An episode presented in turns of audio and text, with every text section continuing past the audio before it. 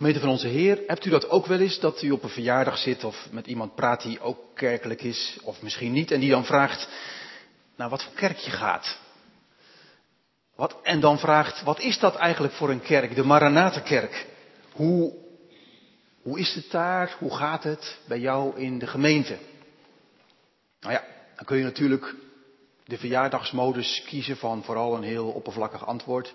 En dan vertel je misschien iets over de activiteiten die er zijn. Je kunt dus website even op je smartphone tevoorschijn toveren. Kijk, kijk eens waar we allemaal druk mee zijn. Dat geeft een indruk, zeker te weten. Je kunt ook zeggen, de Maranatenkerk, en dan iets vertellen over de diensten. Hoeveel mensen er komen, hoe de sfeer ongeveer is. Wat je aanspreekt in de diensten. Als iemand dan doorvraagt en zegt, ja maar vertel me nou eens, wat, voor kerk zijn jullie nou? Wemelt van de kerken op de Bijbelbelt? Wat maakt jullie nou tot Maranatha-kerk? Dan kun je onze gemeente vergelijken met andere kerken uit de regio. Dan kun je zeggen, we zijn een beetje meer van zus en een beetje minder zo. En zo krijgt iemand een beetje een idee. Je kunt ook iets vertellen over de ontstaansgeschiedenis van deze kerk, 60 jaar geleden, voortgekomen uit en gegroeid tot. Als je erg goed op de hoogte bent, kun je zelfs iets vertellen over de toekomstplannen die we samen hebben. Maar dan blijf je nog wel een beetje aan de buitenkant van, van het verhaal. Als je die vraag nou echt wil beantwoorden, hoe gaat het in de Maranatha-kerk, dan moet je toch eigenlijk ook wel iets vertellen over of God daar aan het werk is. Of zijn geest daar waait.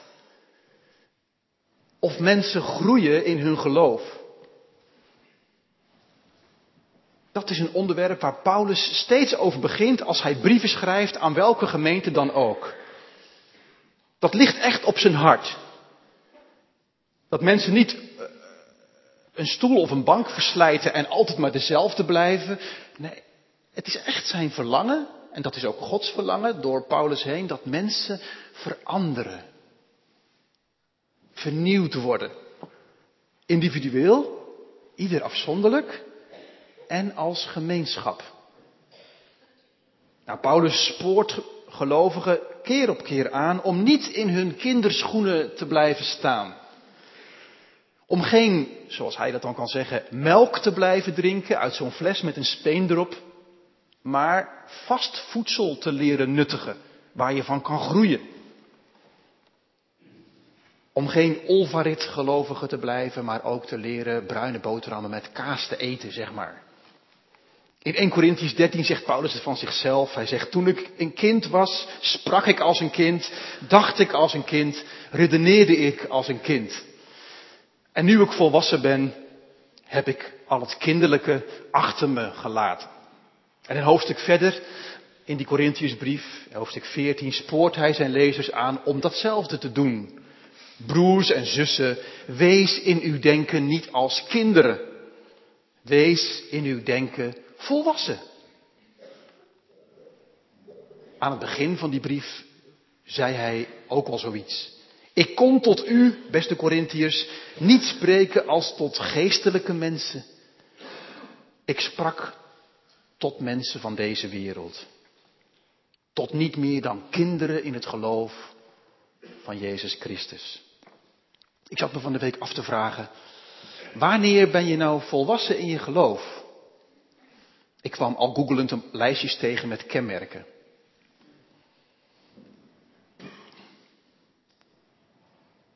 Ik deelde er een paar om uzelf aan te spiegelen. Ik ook. Er worden dan dingen genoemd als, je bent volwassen in je geloof als er in je geloof iets stabiels zit, wat niet per se meeschommelt met de ups en downs van je gevoelsleven en van wat je meemaakt. Stabiliteit, dat is één.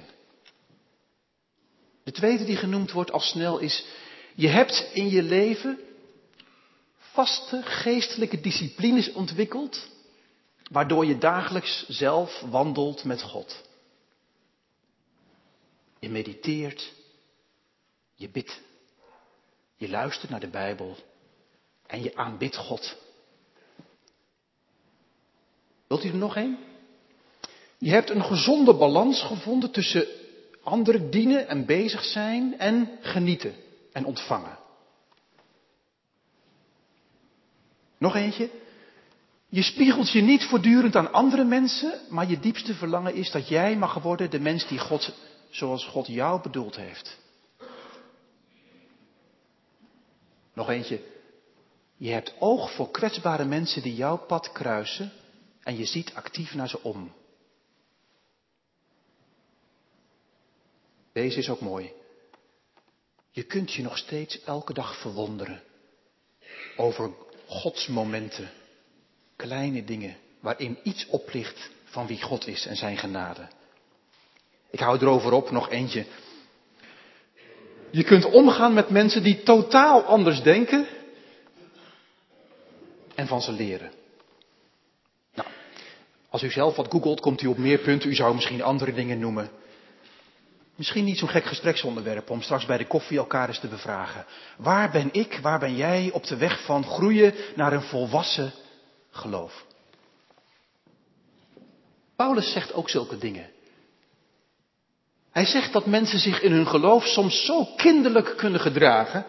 En dan bedoelt hij, als je die teksten bij elkaar legt en daarna kijkt, dan bedoelt hij dat ze zich te veel laten leiden door hun stemmingen en hun gevoelsdriften.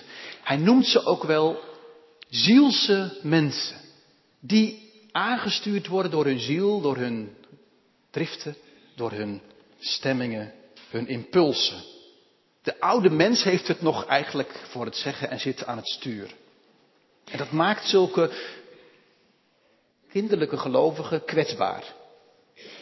In Efeziërs 4, het stuk wat we vandaag lezen, zegt Paulus, als je zo in je kinderschoenen blijft staan, dan ben je als een bootje dat stuurloos ronddobbert. En met elke wind meewaait. Met wat er maar verkondigd wordt. Jongens en meisjes, ik vind het een, een aandoenlijk beeld. Zie je het voor je? Een open zee. Met golven en wind en stromingen. En dan is er een bootje wat daar dobbert. Geen roer, geen zeil. Ja, het gaat alle kanten op. Het vaart geen eigen koers. Het gaat eigenlijk nergens heen. Zo kun je in het geloof staan. Dat je heel je leven volhoudt door te zeggen, tja, tja, ik weet het ook allemaal niet hoor. En dat je niet de verdieping zoekt. En dat je door de eerste, eerste de beste dominante aanwezige op een verjaardag omver wordt geblazen door een mening die jou in de war brengt. In een tijd van een World Wide Web met een cacophonie aan geluiden en meningen is dat linkersoep. Tegenover die prille en nog wat onvolgroeide gelovigen staat de meer volgroeide, gerijpte, volwassen gelovigen. Hoe dat eruit ziet wordt omschreven in misschien wel een van de mooiste zinnetjes uit de brieven van Paulus, vers 15, waar hij zegt, ons aan de waarheid houden en elkaar liefhebben. Ons aan de waarheid houden en elkaar liefhebben. Klinkt eenvoudig, maar het is niet zo eenvoudig. Die samen geven aan je geloof veerkracht, dynamiek. Kijk, waarheid zonder liefde, die komen we op het kerkelijk erf veel tegen. Die schrijft af, die oordeelt, die is dogmatisch, die is grimmig, die is fanatiek.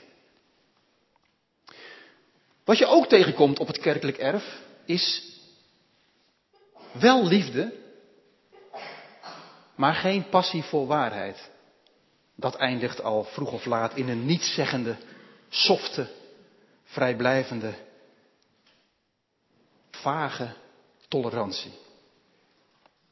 Paulus zegt, weet je wanneer je gegroeid bent in je geloof? Als je gepassioneerd bent voor de waarheid en verbonden blijft met de ander. Zulke gelovigen heeft iedere gemeenschap hard, hard nodig. Dat aan de waarheid houden is overigens niet alleen je houden aan bepaalde leerstellingen. Die zijn heel belangrijk. Leerstellingen, dogma's, dat wat de kerk al twintig eeuwen heeft beleden. De twaalf artikelen. Ons slotlied van morgen is, is zo'n lied. Heer, u bent mijn leven. Daarin zingen we met elkaar wat onze broers en zussen in het geloof al eeuwenlang hebben beleden. Dat is verstandig. Dat is wijs. In het spoor gaan van onze vaderen. Maar waarheid is in de Bijbel vooral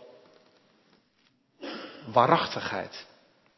Waarheid heeft in de Bijbel vooral te maken met een persoon die zich de waarheid noemde. Jezus. Dus je aan de waarheid houden betekent je aan Jezus verbinden. En zo waarachtig zijn in je levenswandel. Een volgeling zijn van Hem.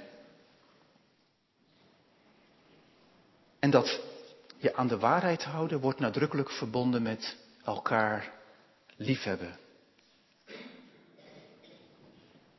Met hart en ziel blijven staan waarvoor je gelooft. En je blijven verhouden tot anderen, die misschien heel anders denken en geloven. Ook binnen je eigen gemeente. Of daar op een andere manier uiting aan geven.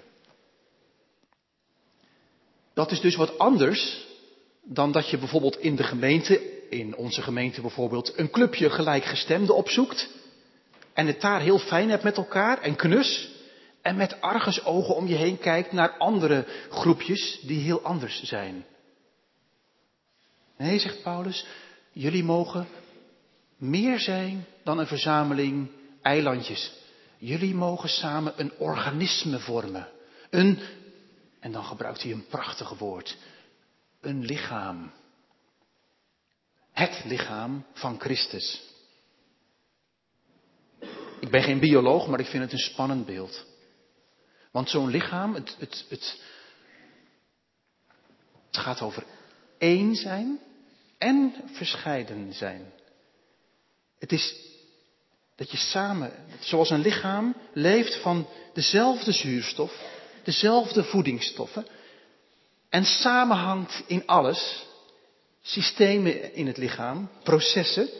Zo, zegt Paulus, zijn jullie samen aan het leven van dezelfde zuurstof, dezelfde voeding. Eén Heer, één geloof, één hoop, één doop, één God en Vader, die in alles en allen is. En tegelijk is zo'n lichaam heel verschillend. Het bestaat uit allerlei verschillende organen die elk hun eigen functie hebben lichaamsdelen, ledematen. En ze dragen allemaal bij aan de vitaliteit en de gezondheid van het geheel. Mooi eigenlijk, hè? Misschien kun je dat op een verjaardag zeggen de volgende keer. Wij in de Maranatenkerk proberen niet gereformeerd of hervormd te zijn, evangelisch of reformatorisch. We proberen een stukje te zijn van het lichaam van Christus. Van Christus, die het hoofd is van het lichaam en dus alles bestuurt, aanstuurt en leidt.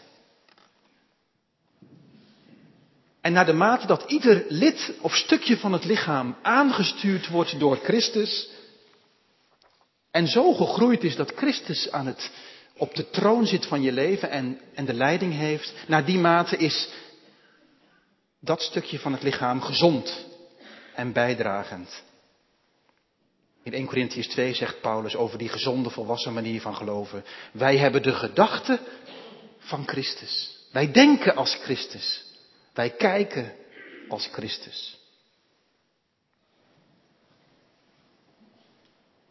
Ik zei het al, Bedenk intussen wel even dat Paulus pas over dit onderwerp begint als hij het eerst drie hoofdstukken lang heeft gehad over geworteld zijn in Christus.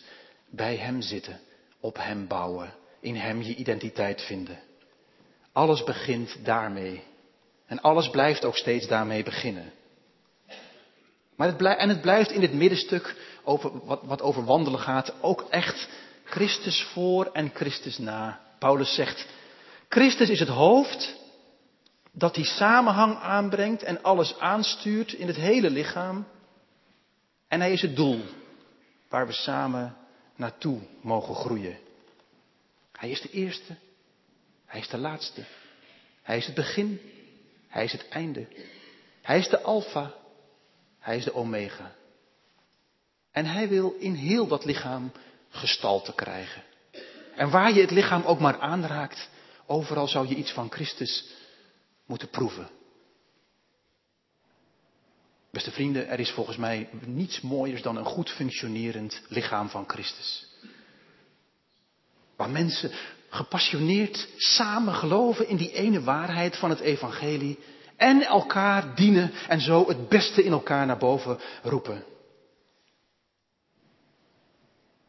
Maar een gemeente is ook maar zo sterk als haar zwakste schakel. Als een lid niet verbonden is met het hoofd, niet leeft van die genade, niet innerlijk daaruit zijn levenssappen haalt, niet zo leert denken, dan gaat zo'n lid een eigen leven leiden. Dat gaat niet goed. Daar stagneert de groei. Daar wordt het lichaam ziek en zwak en misselijk. Daar gaat een radertje stilstaan. En radertjes die, die daaraan verbonden zijn, die gaan ook minder soepel draaien. Hoe gezond een lichaam van Christus is, hangt dus af van het zwakste schakeltje. Het zwakste radertje. Van u, van jou en van mij. Gezegend de gemeente waar alle leden, jongens en meisjes, vaders en moeders, opa's en oma's, alleengaande, samen gezond zijn. Omdat ze samen allemaal, ieder ook afzonderlijk, een lijntje hebben met Christus. En in die richting groeien. Gezegend de gemeente waar iedere man en vrouw, iedere jongen of meisje leert te wandelen met God. Elke dag.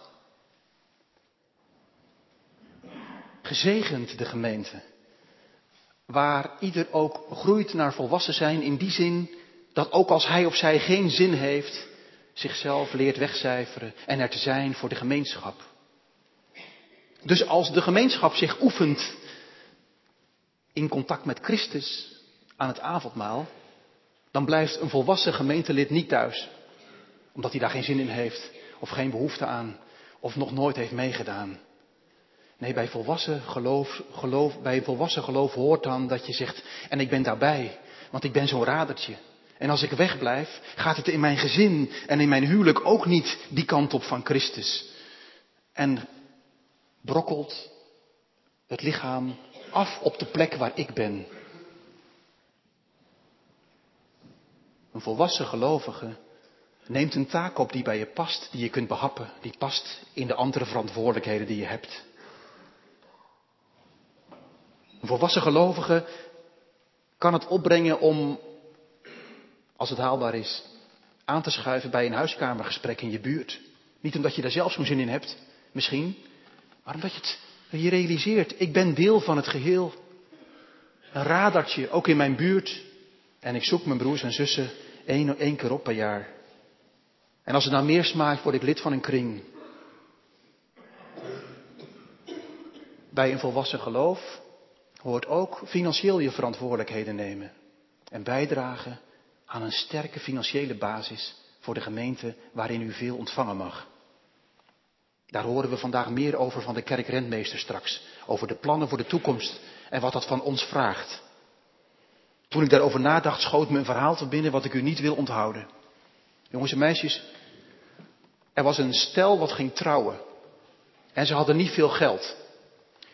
Maar ze wilden hun bruiloft met zoveel mogelijk mensen vieren. En ze vroegen, beste bruiloftsgasten, nemen jullie, als, jullie allemaal één fles wijn mee? En als je op het feest komt, staat er bij de ingang van de feestzaal een groot vat. En giet jij, giet u dan uw fles wijn daarin. Dan wordt het een feest om nooit meer te vergeten. Maar u voelt, u voelt hem al aankomen. Er was één, één dorpsbewoner. Die vond dat te veel. Die had het er niet voor over. En die dacht, als ik nou eens gewoon een wijnfles neem en ik doe er water in. Niemand merkt het toch? Iedereen, iedereen doet verder wijn, ik een beetje water en we hebben toch feest. En zo gezegd, zo gedaan, het feest begon. En van alle kanten kwamen mensen met flessen bij zich. En ze goten allemaal hun inhoud in het vat. Ook onze vriend kwam aan en dacht, ik vlodder een beetje erbij. Hups, niemand heeft iets in de gaten. Laat het feest maar beginnen. En het feest zou beginnen. De muziek begon te spelen. En de bedienden gingen naar het vat. En schepten uit het vat wijn om uit te delen. En wat eruit kwam, was alleen maar water. En iedereen viel stil. De muziek stopte. En iedereen had in de gaten wat er gebeurd was. Niet één dorpsbewoner had geflodderd met water, maar allemaal.